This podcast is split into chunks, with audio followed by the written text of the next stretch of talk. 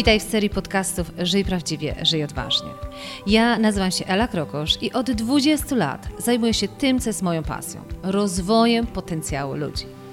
Dzięki pracy z tysiącami osób w wielu krajach wiem, że w nas jest dużo większy potencjał niż nam się wydaje. Moją rolą jest pomóc ludziom dostrzec ich potencjał, a potem zrobić wszystko, aby go wykorzystali. Prowadzę indywidualne coachingi, szkolenia oraz programy online, w których wykorzystujemy strategię skutecznego zarządzania własnym potencjałem. W podcastach Żyj prawdziwie odważnie znajdziesz inspiracje, wywiady i konkretne rady, jak skutecznie zarządzać Twoim potencjałem, który często też nazywam talentem.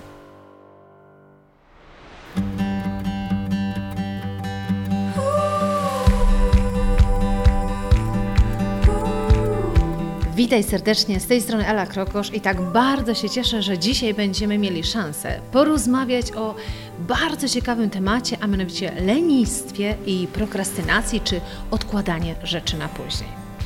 Jak myślę już wiesz, że wewnętrzny sabotażysta to jest ten, który często w sposób bardzo racjonalny podpowiada Ci, co masz robić, w co wierzyć, a w co nie wierzyć.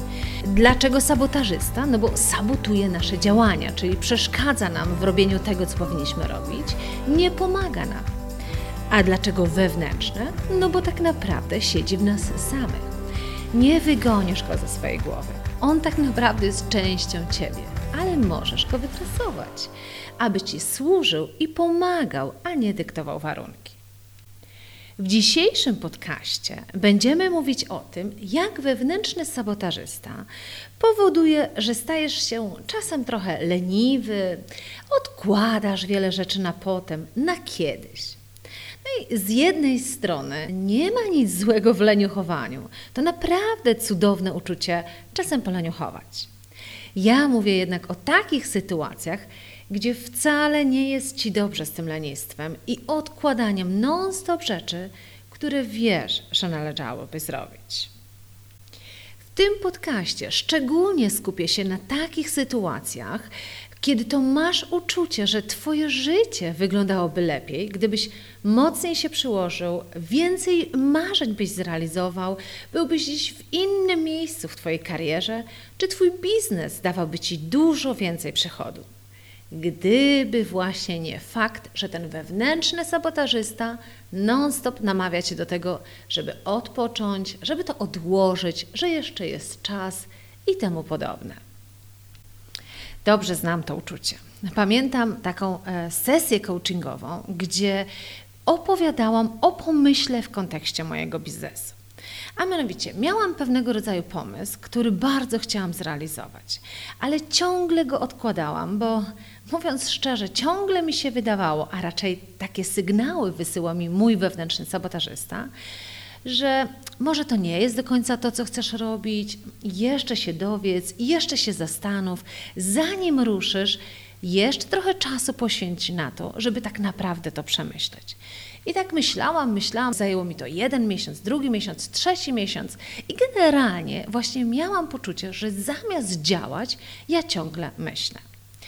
A ponieważ ja głęboko wierzę w to, że praca coachingowa naprawdę może dać bardzo dobre rezultaty, dlatego że ona cię wyciąga z Twojego procesu myślenia i pozwala ci na pewne rzeczy spojrzeć inaczej, to udałam się na sesję coachingową z osobą, którą ogromnie cenię, jeśli chodzi właśnie o jej możliwości eksplorowania mojej osobowości, ale nie tylko mojej, tylko w ogóle pomagania ludziom w popychaniu do tego, żeby jednak coś robili.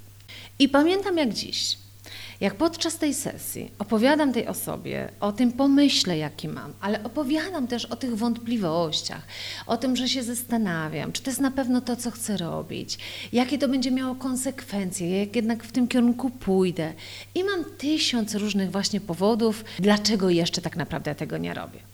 I w pewnym momencie ten mój coach, ta odważna kobieta, mówi mi bardzo wprost: Ela, muszę być z Tobą bardzo szczera, bo wiesz, że od tego tak naprawdę zależy efektywność naszego procesu.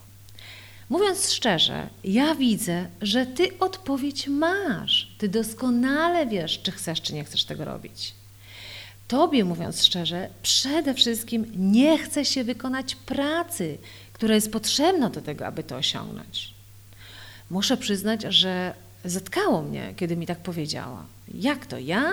Ja jestem leniwa? Ja nie chcę wykonać pracy? Tyle rzeczy w życiu osiągnęłam. Tyle razy zakasałam rękawy, aby osiągać to, na czym mi zależy. A ona mi mówi tak bardzo wprost, że mi się nie chce, że nie chce mi się wykonać tych działań, które są potrzebne, nie chce mi się ciężko pracować. Muszę przyznać, że przez jakiś czas musiałam to trochę przetrawić i musiałam się dosyć mocno zastanowić nad tym, czy w ogóle do niej wrócę, skoro ona mi takie rzeczy opowiada. Ja przychodzę z wątpliwościami dotyczącymi właśnie tego, czy to jest na pewno to, co chcę robić. I to mnie powstrzymuje przed tym, żeby wejść, a ona nazywa to, mówiąc dosadnie, lenistwem z mojej strony. Ale wiesz co? Ona miała absolutną rację.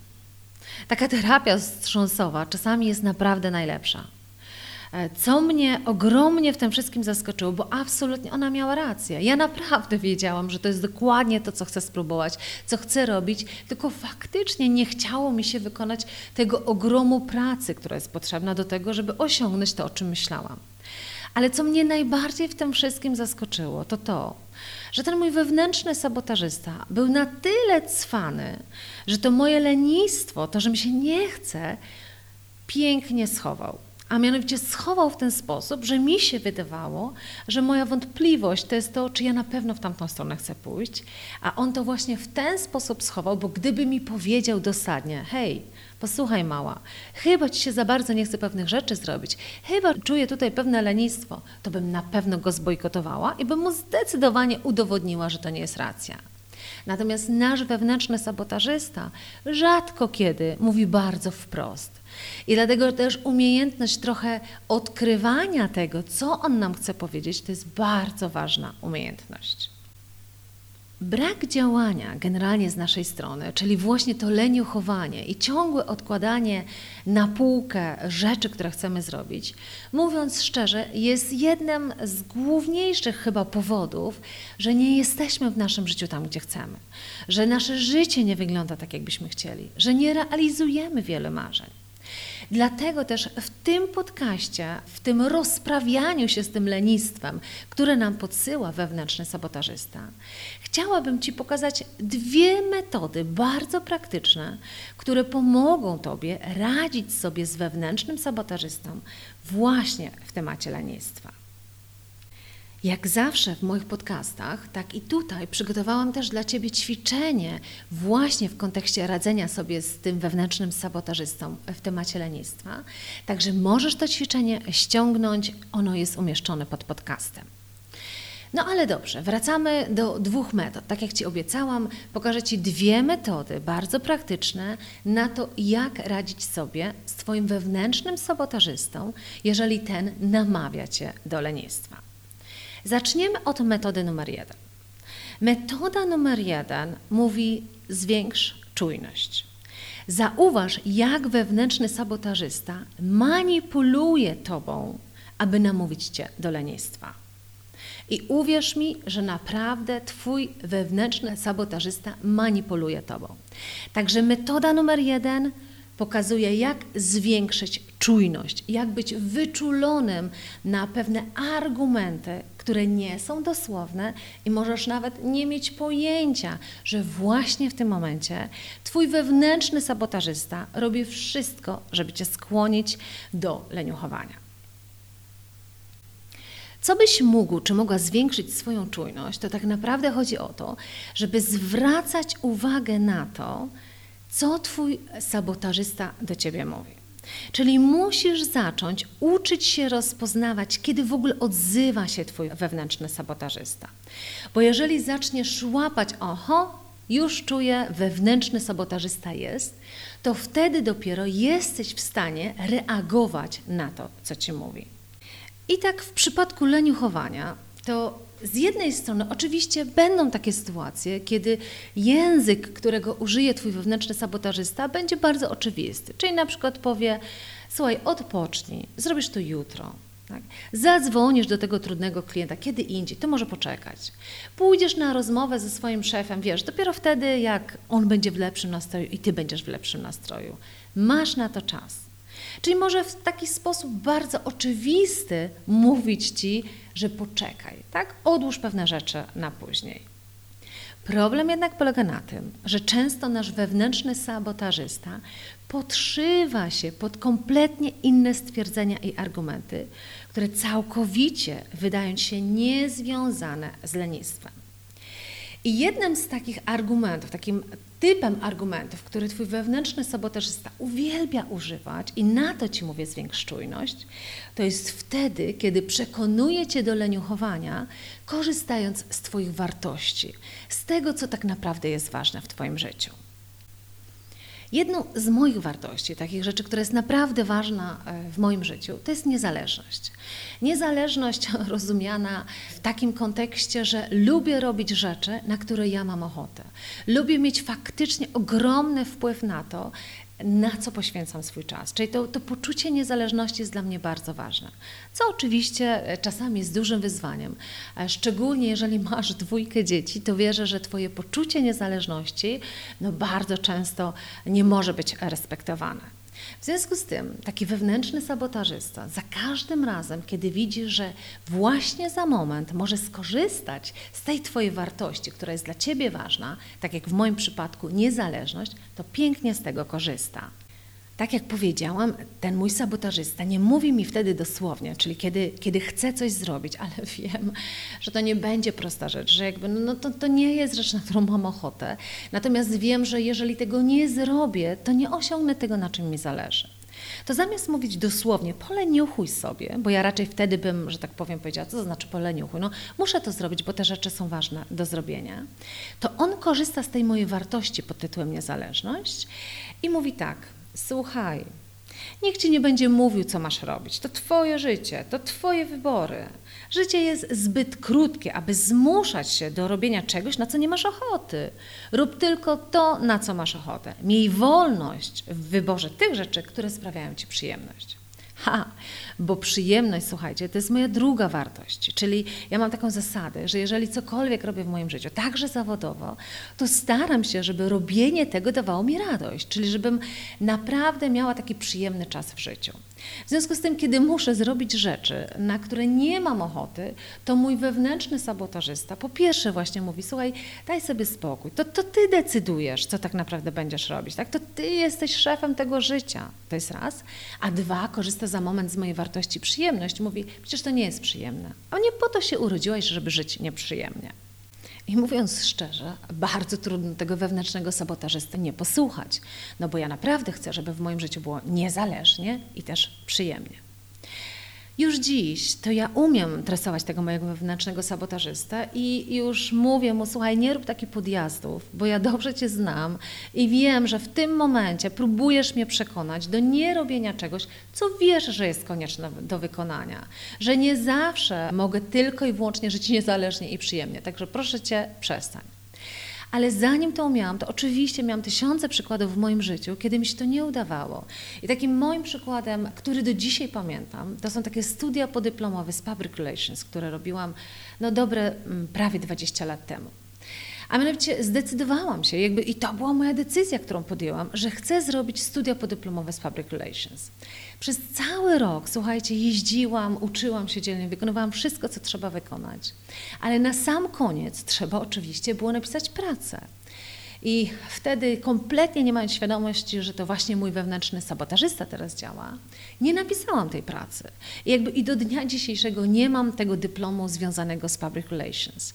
A mój wewnętrzny sabotażysta był tak cwany i powiedział: Słuchaj, przecież niedawno co robiłaś studia? Pięć lat męki, dzielnie się uczyłaś, napisałaś pracę magisterską, odpuść sobie.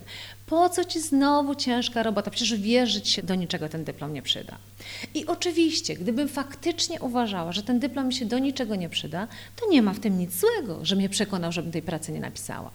Ale dzisiaj z perspektywy czasu to strasznie żałuję, bo jakby jest to dla mnie taki przykład tego, kiedy to właśnie ten wewnętrzny sabotażysta odciągnął mnie od czegoś, co powinno być zrobione. Bo skoro inwestowałam pieniądze, skoro jeździłam tam przez rok czasu, to powinnam ten etap zamknąć. Przynajmniej dla mnie to było ważne. Ale wtedy ten wewnętrzny sabotażysta wygrał. No dobra, to skoro już wiesz, że wewnętrzny sabotażysta umie doskonale tobą manipulować, korzystając z twojej wartości, argumentując, jak dobrze jest czegoś nie robić, jak dobrze ci to zrobi, że to odłożysz na później, to jesteś już na pozycji wygranej. Robert Cialdini, e, nie wiem czy słyszałaś, czy słyszałeś o jego fantastycznej książce Wywieranie wpływu na ludzi. Tak naprawdę o manipulacji. Robert Cialdini w tej książce pokazywał różne właśnie te taktyki manipulacyjne, ale nie po to, nie takie było jego założenie, żebyśmy teraz zaczęli je stosować, tylko jego założenie było takie, że jeżeli znasz techniki manipulacyjne, jakie stosują na tobie, to jesteś w stanie się przed tym bronić. Jeśli nie znasz tych technik, to nie jesteś się w stanie przed tym obronić. I tak samo jest z tym naszym wewnętrznym sabotażystą.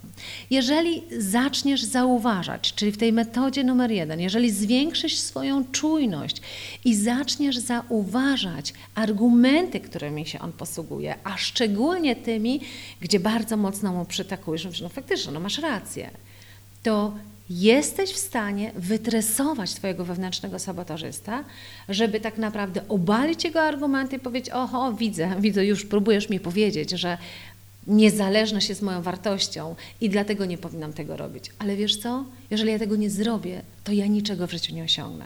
Jeżeli nauczysz się rozpoznawać, jak manipuluje Twój wewnętrzny sabotażysta, jakiego języka używa, jakich argumentów używa, to już jesteś na pozycji wygranej. Także bardzo serdecznie Cię zachęcam, żebyś przez najbliższy tydzień czy dwa e, postawił sobie takie wyzwanie, żeby za każdym razem, czy, e, kiedy Ci się nie chce czegoś zrobić, kiedy wiesz, że coś należałoby zrobić, ale nie robisz tego, to bardzo Cię zachęcam do tego, żebyś zrobił sobie taki dziennik analizowania, jakim argumentem Twój wewnętrzny sabotażysta Cię właśnie przekonał. Ja przygotowałam dla Ciebie takie ćwiczenie, które jest właśnie takim tygodniowym dziennikiem, w którym możesz zacząć łapać, jakie techniki manipulacyjne w największym stopniu wykorzystuje Twój wewnętrzny sabotażysta. Także bardzo Cię zachęcam, ściągnij to ćwiczenie, ono jest dostępne pod tym podcastem. Jestem przekonana, że ta metoda zwiększonej czujności i właśnie rozpoznawaniu taktyk manipulacyjnych pozwoli Ci poradzić sobie z wewnętrznym sabotażystą. No dobrze, jesteśmy gotowi, żeby przejść do metody numer dwa. Metoda numer dwa mówi: znajdź zewnętrzny punkt odniesienia. Czyli jeżeli chcesz cokolwiek osiągnąć, jeżeli chcesz zrobić to, na czym ci bardzo zależy, a twój wewnętrzny sabotażysta robi wszystko, żeby ci w tym przeszkodzić, manipulując właśnie tobą, to jedna z metod, czyli ta właśnie metoda numer dwa, to jest to, żebyś znalazł czy znalazła swój zewnętrzny punkt odniesienia. I pozwól, że za moment Ci wytłumaczę tą zasadę, ale zanim wytłumaczę Ci tą zasadę, opowiem Ci o jednym ćwiczeniu. Nie będę wchodzić bardzo mocno w szczegóły, ale bardzo mi zależy, żebyś zobaczył czy zobaczyła y, efekt tego ćwiczenia. To jest takie ćwiczenie szkoleniowe, które ja uwielbiam z grupami, bo ono właśnie pokazuje, jak dużo więcej jest w nas możliwości, potencjały, siły, niż nam się wydaje. I teraz ćwiczenie nazywa się pętla czasu i ono, nie wchodząc w szczegóły, polega na tym, że w dwóch oddzielnych podgrupach, w dwóch różnych pomieszczeniach, czyli rozdzielam ludzi na grupy, mają za zadanie jako cała grupa przejść przez pewien sznurek. Tak jakby na tym polega to zadanie. I mają określony czas, żeby sobie to próbować, ćwiczyć, ale jak się ten czas skończy, to ja mierzę im czas, jak szybko są w stanie przejść przez ten sznurek całą grupą. I co jest fascynujące, że teoretycznie obie grupy mają to samo zadanie. Jest tylko jedna rzecz, która różni e, podejście do tego ćwiczenia. Dla pierwszej grupy, nazwijmy ją pierwszą, tylko i wyłącznie daję im sznurek i mówię: Słuchajcie, waszym zadaniem jest przejść jak najszybciej. To jest bardzo kluczowe słówko. Mówię jak najszybciej. Czyli jak się skończy wasz czas, będę wam mierzyć czas, musicie mi udowodnić, że zrobiliście to jak najszybciej. Drugiej grupie, z którą też zostaję, mówię dokładnie to samo, czyli ich zadaniem też jest dokładnie przejść przez ten sznurek, ale im mówię, że mają to zrobić i daję im bardzo trudny czas, na przykład w ciągu 5 sekund. To jest wprost prawie niemożliwe. I z tą drugą grupą zostaję, obserwując, jak w ogóle podejdą do tego ćwiczenia. I co jest fascynujące, to jest naprawdę fascynujące, że kiedy kończy się czas, który został obu grupom przyznany, i kiedy mówię dobrze, to teraz się spotykamy i proszę bardzo, najpierw grupa pierwsza udowadnia mi, ile to jest jak najszybciej i wykonuje to ćwiczenie grupa pierwsza, jakby bardzo się przykładając. A potem po niej wykonuje to ćwiczenie grupa druga. Okazuje się w 95%, że czas grupy drugiej, która dostała bardzo wysoko postawioną poprzeczkę, jest dużo, dużo lepszy, czasami nawet o 100% lepszy. To jest fascynujące. I to, co ja zawsze pokazuję tym, e, w tym ćwiczeniu, i to jest w ogóle fascynujące obserwować miny tych osób, szczególnie z tej grupy pierwszej, która wraca na salę i mówi: No, dałaś nam wyzwanie jak najszybciej, proszę cię bardzo. I robią ćwiczenie w pełni zaangażowani i są przekonani, że osiągnęli właśnie prawie swój rekord i patrzeć na te miny tych osób z grupy pierwszej, kiedy okazuje się, że to ćwiczenie można zrobić o 100% szybciej. I zawsze po tym ćwiczeniu, po najpierw ogarnięciu się z tej porażki grupy pierwszej, omawiamy sobie to ćwiczenie i zastanawiamy się, jak to się dzieje, że ludzie o tym samym potencjale, no bo nie oszukujmy się, do wykonania tego ćwiczenia tam naprawdę nie trzeba jakichś mega niesamowitych umiejętności. Po prostu e, trzeba zrobić to w określony sposób. Jak to się dzieje, że dwie grupy o tych samych umiejętnościach, a tak drastycznie różne efekty? I powiem Ci, że to ćwiczenie stosowałam i na grupie, ja prowadzę zajęcia w ramach Executive MBA, takich studiów właśnie MBA, a propos zarządzania talentami i robiłam to w związku z tym jakby z grupą wysoko postawionych menedżerów, jak i robiłam to ćwiczenie z grupą talentów, osób często na początku swojej kariery, także z bardzo różnymi grupami w wielu krajach na świecie. Także jakby mam to przetestowane, ten mechanizm tak naprawdę na bardzo szerokiej społeczności. I wtedy właśnie zastanawiamy się, jak to się dzieje, co spowodowało, że jedna grupa osiąga o 100% lepszy czas. No i zadaję takie podstawowe pytanie, a mianowicie, jeżeli mieliście 10 minut dane na to, żeby ćwiczyć, praktykować, e, wymyślać nowe sposoby, to pytam się obu grup, jaki procent czasu faktycznie poświęciły na to, żeby się tym zadaniem zajmować. I co się okazuje? W pierwszej grupie, po jakichś trzech próbach, pierwszych dyskusjach, grupa znajduje sposób, jak to wykonać i osiada na laurach. Mimo, że ćwiczenie mówi, zrób najszybciej, jak potrafisz. Ale generalnie po mniej więcej 50% czasu, czyli mniej więcej w połowie tego ćwiczenia, zaczynają się luźne dyskusje. Ludzie generalnie są gotowi już do tego ćwiczenia, pewni, że naprawdę robią to mega szybko. Natomiast to się okazuje w przypadku tej drugiej grupy, która ma postawioną tak wysoko poprzeczkę, mówiąc szczerze, często jest to poprzeczka nawet powyżej możliwości, czyli na przykład daje 5 sekund, a ta grupa nie osiąga tych 5 sekund, ale osiąga 6,5 sekundy, co i tak jest drastycznie różnym wynikiem w stosunku do grupy pierwszej, która na przykład ma 13-14 sekund. I pytam się wtedy tej grupy drugiej, ile procent czasu byliście sfokusowani, skoncentrowani na tym, żeby to zadanie wykonać. Okazuje się, że 100%. 100%, bo poprzeczka była zawieszona tak wysoko, że nie było możliwości, żeby odpuścić. Oczywiście na samym początku pojawiły się komentarze, to jest niemożliwe, to jest nie do osiągnięcia, ale dość szybko sobie z tym poradzili, bo wiedzieli, że ja nie odpuszczę. I co się okazywało, że próbowali chyba z tysiąc razy, ściągali koszulki, jeżeli byli trzy koszulki ubrane, czyli jakby koszulę i koszulkę, tak żeby był jak najmniejszy opór ciała. Cały czas kombinowali, żeby to zadanie osiągnąć według postawionej poprzeczki. Jak to się ma do metody znajdź zewnętrzny punkt odniesienia? A mianowicie, to, co jest fascynujące też obserwować w tym ćwiczeniu, to jest poczucie satysfakcji z samego siebie albo poczucie porażki. I teraz, owszem, ci, co pracowali, czyli ta grupa druga, bardzo ciężko, była naprawdę mocno skoncentrowana na tym ćwiczeniu, cały czas praktykowała. Oczywiście, że jest dużo bardziej zmęczona, ale to poczucie satysfakcji, wow, o tyle byliśmy lepsi niż tamci, jest absolutnie niesamowite. Natomiast w tej grupie pierwszej, wtedy to poczucie takiej porażki, jak to się stało, że myśmy odpuścili? W którym momencie zdecydowaliśmy, że to najlepsze, najszybszy nasz czas to jest te 12 sekund? W którym momencie to odpuściliśmy? I wtedy mówimy o tym, że tu właśnie uruchamia się nasz cudowny wewnętrzny sabotażysta. Bo nasz wewnętrzny sabotażysta, właśnie a propos naszego lenistwa, w tym momencie mówi: daj spokój. Zobacz, i tak już masz szybko, i tak już masz 12 sekund. To jest bardzo dobry wynik. I ty, nie mając kompletnie żadnego zewnętrznego punktu odniesienia, nie masz nawet opcji żeby mu w to nie uwierzyć. I bardzo często wtedy te moje grupy mówią, gdybyśmy wiedzieli, że oni tak szybko są w stanie to zrobić, gdybyśmy wiedzieli, że tym zewnętrznym punktem odniesienia jest albo ta grupa, z którą konkurujemy, albo gdybyśmy wiedzieli właśnie, że na przykład najlepsza grupa była to w stanie zrobić w ciągu pięciu sekund, to robilibyśmy wszystko, żeby wymyślić na to sposób i pewnie by to osiągnęli. I to jest właśnie fascynujące, że ta rola tego wewnętrznego sabotażysty jest taka, żeby ci mówić: nie wysilaj się bardziej, daj spokój, już jest naprawdę dobrze. I teraz, jeżeli ty nie masz zewnętrznego punktu odniesienia, to bardzo jest ci trudno w to nie uwierzyć. Jakby statystycznie można powiedzieć, że każdy człowiek chce dla siebie jak najlepiej. W związku z tym, jeżeli sobie wyznaczy cel i ma poczucie, że naprawdę ciężko pracuje e, i osiąga efekty, jakie osiąga, i wewnętrzny sabotażysta jeszcze dokłada do tego swoją cegiełkę i mówi: Zobacz, jak ci super idzie, gratuluję. To jak mu w tym nie uwierzyć? No właśnie, ale teraz jak to rozpoznać? Czy to już jest lenistwo, czy to jeszcze nie jest lenistwo?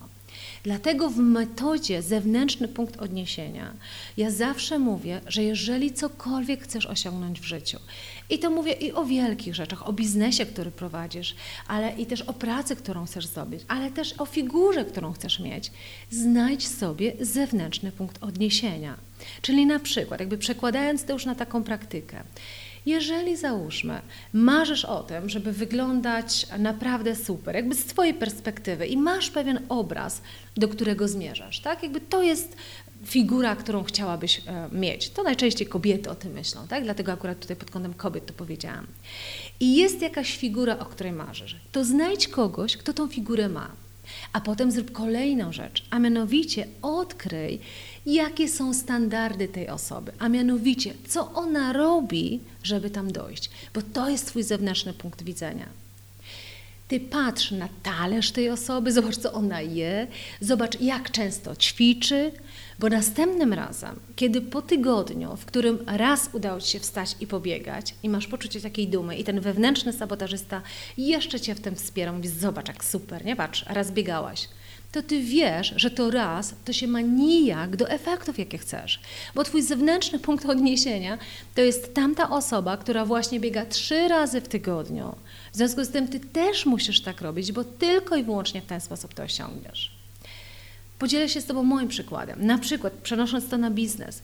Dla mnie jednym z takich moich zewnętrznych punktów odniesienia, szczególnie jeśli chodzi o biznes online, jest Amy Porterfield.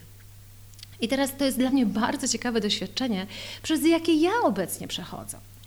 Generalnie ja przez wiele, wiele ostatnich moich lat, prawie te 20 lat mam doświadczenia, ja w głównej mierze zajmowałam się pomaganiem w osiąganiu celów ludziom, głównie którzy pracują w organizacjach, korporacjach. I to organizacje płaciły mi za to, żebym ja pomagała tym ludziom. I to była fantastyczna praca. To ciągle jest fantastyczna praca. Ale w pewnym momencie mojego życia doszedł do mnie taki głos, że ja bym już chciała trochę jeszcze inaczej pomagać ludziom. Chciałabym do dużo szerszej społeczności dotrzeć i chciałabym dbać też o cele tych osób, a nie tylko o cele korporacji. Bo nie oszukujmy się, jeżeli za Twoje szkolenie płaci korporacja, to na samym końcu to interes korporacji się liczy. I tak też o tym pomyśl, to tak dodam, jeżeli właśnie z perspektywy korporacyjnej chodzisz na szkolenia. Na samym końcu osiągasz cel korporacji. W związku z tym, ja mając świadomość, jaką ja wiedzę mam, jak ja jestem w stanie niesamowicie popychać ludzi do działania, do osiągania tego, na czym im zależy, do tego życia prawdziwie odważnie, mając świadomość, jak to często ten wewnętrzny sabotażysta, ten drań jeden powstrzymuje nas przed robieniem różnych rzeczy, zdecydowałam się, że wejdę właśnie w rynek online, bo w ten sposób mogę dotrzeć do dużo szerszej społeczności, żeby pomagać ludziom właśnie żyć odważnie, żyć prawdziwie i ustawić jakby we właściwej pozycji jako wewnętrznego sabotażysty. I pamiętam jak dziś, jak kilka miesięcy temu, mój wewnętrzny sabotażysta tak mnie pięknie klepał po plecach i mówił: No, super, zobacz, nagrałaś w ostatnim miesiącu bardzo fajny film, napisałaś trzy artykuły, brawo, gratuluję. Tylko, że mówiąc szczerze, mimo tego jednego fantastycznego filmu i tych trzech artykułów, ja ciągle nie byłam w stanie dotrzeć do dużo szerszej społeczności. I jakiś czas temu odsłuchałam jednego z podcastów Amy Porterfield, w którym ona powiedziała, że aby dotrzeć do szerokiej społeczności, to musisz być bardzo regularny w tym, co robisz. I co więcej, ona postawia takie wyzwanie, gdzie powiedziała, że przez kolejne trzy miesiące w tym wyzwaniu trzeba co tydzień tworzyć bardzo merytoryczny content, czyli bardzo merytoryczny albo film, albo podcast, ale coś, dzięki czemu faktycznie ludzie mogą osiągnąć te rezultaty, na których Ci zależy. Ja tak sobie pomyślałam, mówię, Boże, oszalała kobieta. Jeden podcast tygodniowo, jeżeli sobie pomyślicie, że nagrywanie podcastu to jest prosta rzecz, to od razu powiem, że żeby przygotować podcast, to naprawdę trzeba też zdobyć materiał merytoryczny. Bo owszem, można rozmawiać o pogodzie, o różnych innych rzeczach, ale kiedy obiecujesz ludziom, że dzięki danemu materiałowi, dzięki podcastowi, jakby pewne rzeczy w ich życiu mogą się zmienić, to naprawdę musisz się do tego przygotować. A przynajmniej takie jest moje podejście.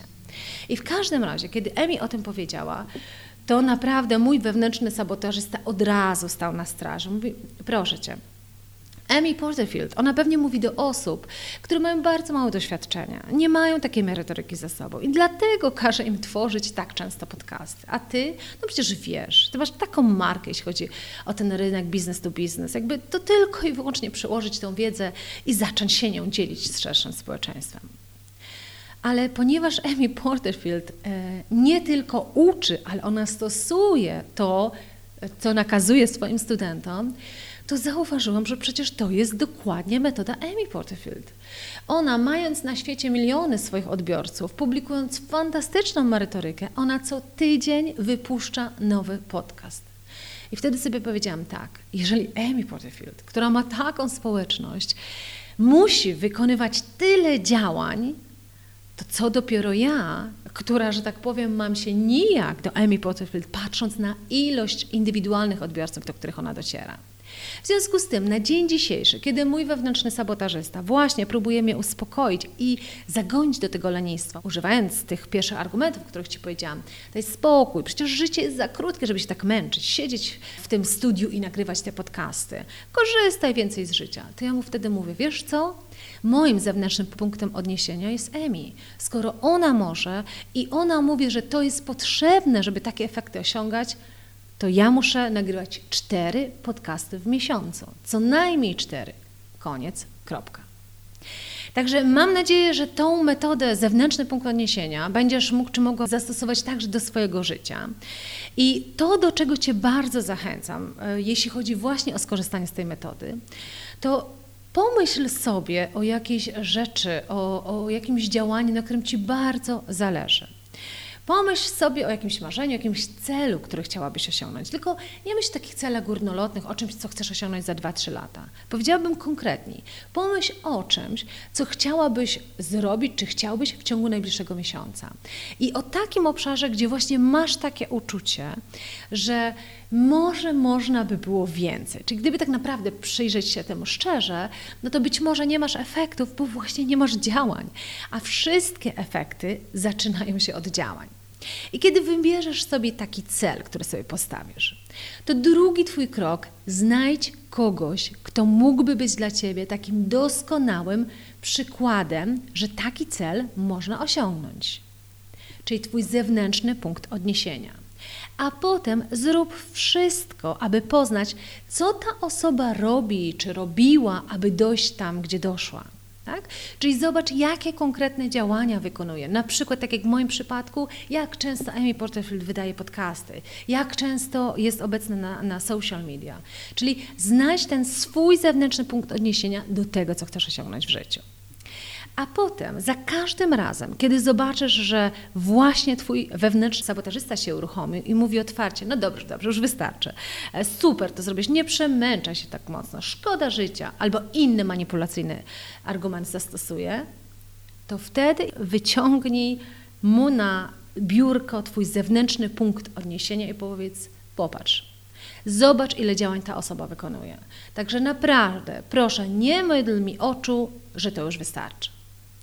Także mam nadzieję, że dzięki tym dwóm metodom, bo już trochę podsumowujemy nasz podcast, e, dzięki tym dwóm metodom, czyli po pierwsze rozpoznaj, zacznij zwracać uwagę, czyli metoda numer jeden, e, w której mówię, że zwiększ swoją czujność, zacznij zauważać, jakich argumentów, a szczególnie argumentów, które korzystają z Twoich wartości, czyli czegoś, co jest dla Ciebie ważne, jakich argumentów używa Twój wewnętrzny sabotażysta, żeby Tobą manipulować.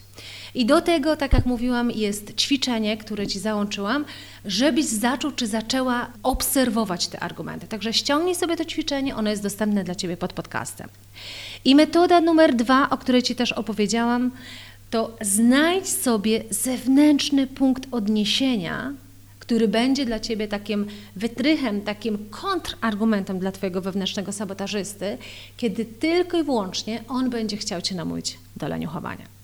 Także mam nadzieję, że ten podcast e, będzie dla Ciebie kolejnym narzędziem, właśnie jak tresować naszego wewnętrznego sabotażystę, bo to tak jak powiedziałam, nie ma takiej opcji, żeby go całkowicie wygonić z naszej głowy, bo on jest częścią z nas i czasami naprawdę pełni bardzo ważną rolę w naszym życiu.